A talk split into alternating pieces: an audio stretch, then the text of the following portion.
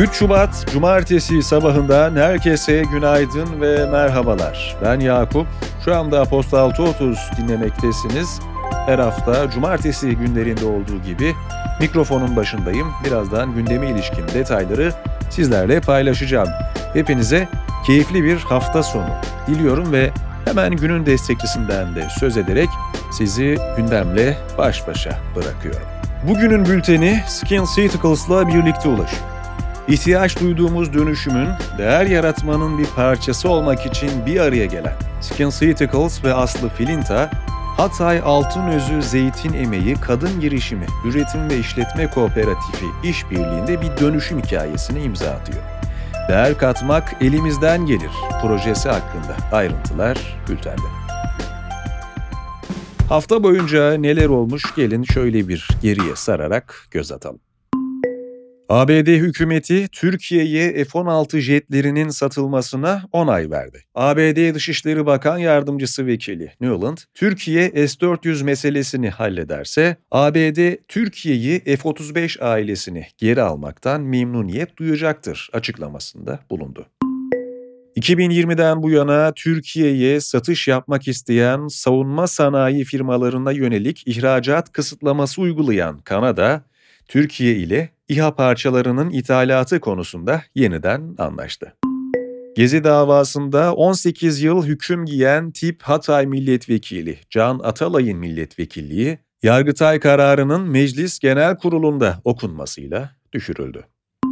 İstanbul Sarıyer'deki Santa Maria Kilisesi'ndeki pazar ayini sırasında silahlı saldırı düzenlendi. Saldırıda 52 yaşındaki Tuncer Cihan hayatını kaybetti.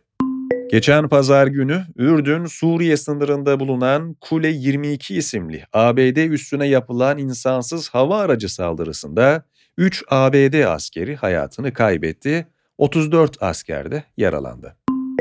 ABD Başkanı Joe Biden, Kongreye önerdiği sınır güvenliği tasarısının onaylanması halinde ABD-Meksika sınırını kapatacağını belirtti. Tasarı kongrede onaylanırsa Sınırdan geçen düzensiz göçmen sayısının günlük 5000'i geçmesi halinde başkana sınırı kapatma yetkisi verecek.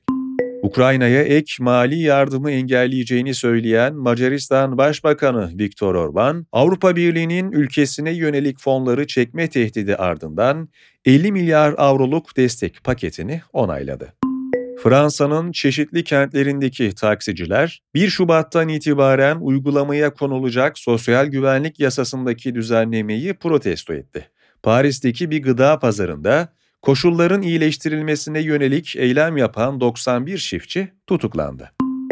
Savaşa yönelik ateşkes ve esir takası konuları Paris'te müzakere edildi. Hamas'ın siyasi lideri İsmail Haniye, rehinelerin serbest bırakılması ve çatışmaların durdurulmasını içeren bir plan üzerinde çalıştıklarını açıkladı. Filistin'e yardım sağlayan Birleşmiş Milletler, yakın doğudaki Filistinli mültecilere yardım ve bayındırlık kuruluşu hakkında birkaç çalışanın Hamas'ın 7 Ekim saldırısına karıştığı iddiasıyla bazı Avrupa ülkeleri fon sağlamayı geçici olarak askıya aldıklarını açıkladı. Günün hikayesi Çiğdem Öztabak'tan geliyor. Yazının başlığı Dijital ötesinde yaşam var mı? Bir zamanlar dijital dünyanın sınırları hayal gücümüzü aşan bir geleceğe işaret ediyordu. Şimdi ise teknoloji yaşamın en temel unsurlarını bile veriye dönüştürerek ölüm sonrasında varoluşun sınırlarını zorluyor. Dijital sonrası yaşam endüstrisi, ölümden sonraki varlığımızı dijital olarak sürdürme fikri üzerine kuruldu. Bu alanda faaliyet gösteren şirketler, kişilerin dijital versiyonlarını yaratıyor ve geride kalanların onlarla iletişimde kalmasına olanak veriyorlar. Yaz tutma sürecine olan etkisinden yalnızlıkla başa çıkma yöntemlerine kadar bir dizi etik tartışmayı da beraberinde getiriyor.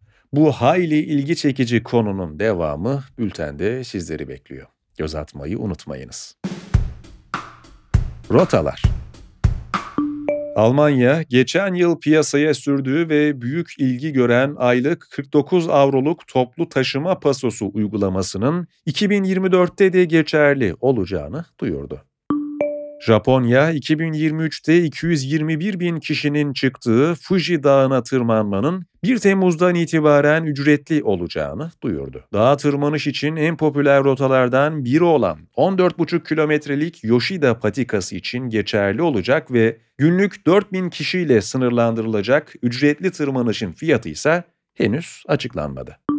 İtalyan hükümeti İtalya'yı Sicilya'ya bağlayacak projeyi onayladı. 10 milyar dolar bütçeye sahip projeyle Messina Boğazı'na 1,6 kilometre uzunluğunda bir köprü inşa edilecek. Köprünün 7.5 şiddetindeki depremlere ve saatte 300 kilometre hızla esen rüzgarlara dayanıklı olması öngörülüyor. National Geographic 2024 yılında mutlaka ziyaret edilmesi gereken ülkeleri sıraladı. İlk sırada safari turları ve vahşi hayatı koruma parklarıyla Kenya'nın bulunduğu listede Fransa'nın başkenti Paris, Gürcistan, ABD'nin Alaska Katmai Ulusal Parkı ve Japonya'nın Kyoto şehri de yer alıyor. Gastronomi ABD'de kimya profesörü Michel Fransel, Demlenmiş Çayın Kimyası adlı kitabının tanıtımı için yaptığı basın açıklamasında mükemmel demlemeye ulaşmak için çaya tuz atılmasını önerdi. Bu öneri, çayın popüler olduğu Britanya ve Türkiye'de tartışmalara yol açtı. Zeynep Çolakoğlu'nun Maya Büyüsü adlı kitabı Kara Karga yayınları tarafından yayımlandı. Çağlar boyu yeme içme dünyasından ekmekten şaraba kadar pek çok sayıda ürünün dönüşümünü sağlayan Maya'nın merkeze konulduğu bu kitapta şarabın gastronomiyle bağları mercek altına alınıyor. Kimya yüksek mühendisi ve yazar Zeynep Çolakoğlu, şarap ve yemek eşleşmelerinin kimyasal, kültürel ve duygusal boyutlarını inceliyor. İstanbul'un ilk ekşi maya dükkanlarından biri olarak bilinen, tatlı ve kahvaltı menüsüyle ismi ön plana çıkan Sauren Sweets, Caddebostan'dan sonra yeni şubesini Watergarden AVM'de açtı.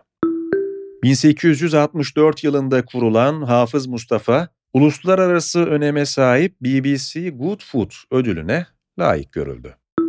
Resmi gazetede yayımlanan kararla limon suyu izlenimi veren limon aromalı sos, limon sosu, limonlu sos gibi isimlerle satışa sunulan limon suyu benzeri ürünlerin satışı yasaklandı.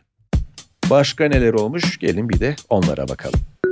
Almanya'da bir mağarada bulunan Homo sapiens iskelet kalıntıları modern insanların Avrupa'nın soğuk iklimli kuzey enlemlerine en az 47.500 yıl önce yani tahmin edilenden çok daha erken ulaştığını gösterdi.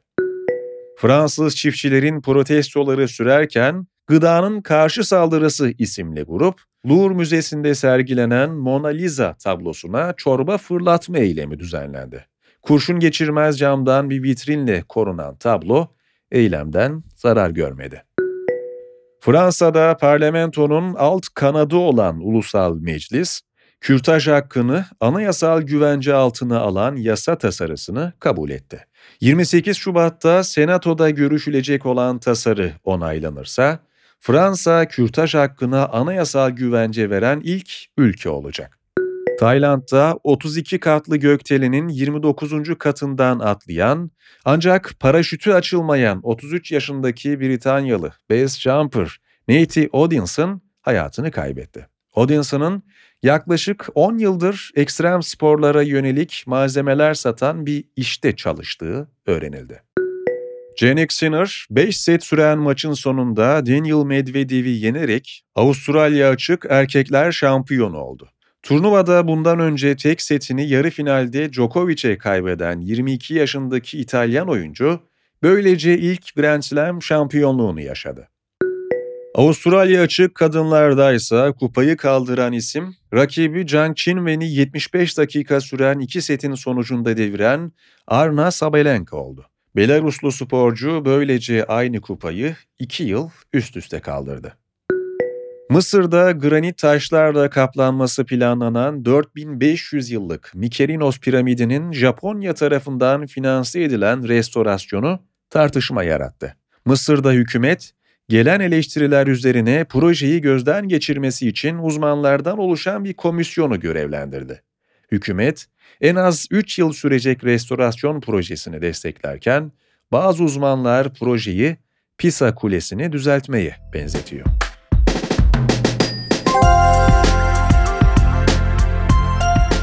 Bir cumartesi yayınında daha sona geldik. Ben Yakup, gündeme ilişkin detayları sizlerle paylaştım. Bugünün bülteni Skin Ceuticals'la birlikte ulaştı. Haftaya tekrar görüşünceye dek kendinize iyi bakın, iyi hafta sonları.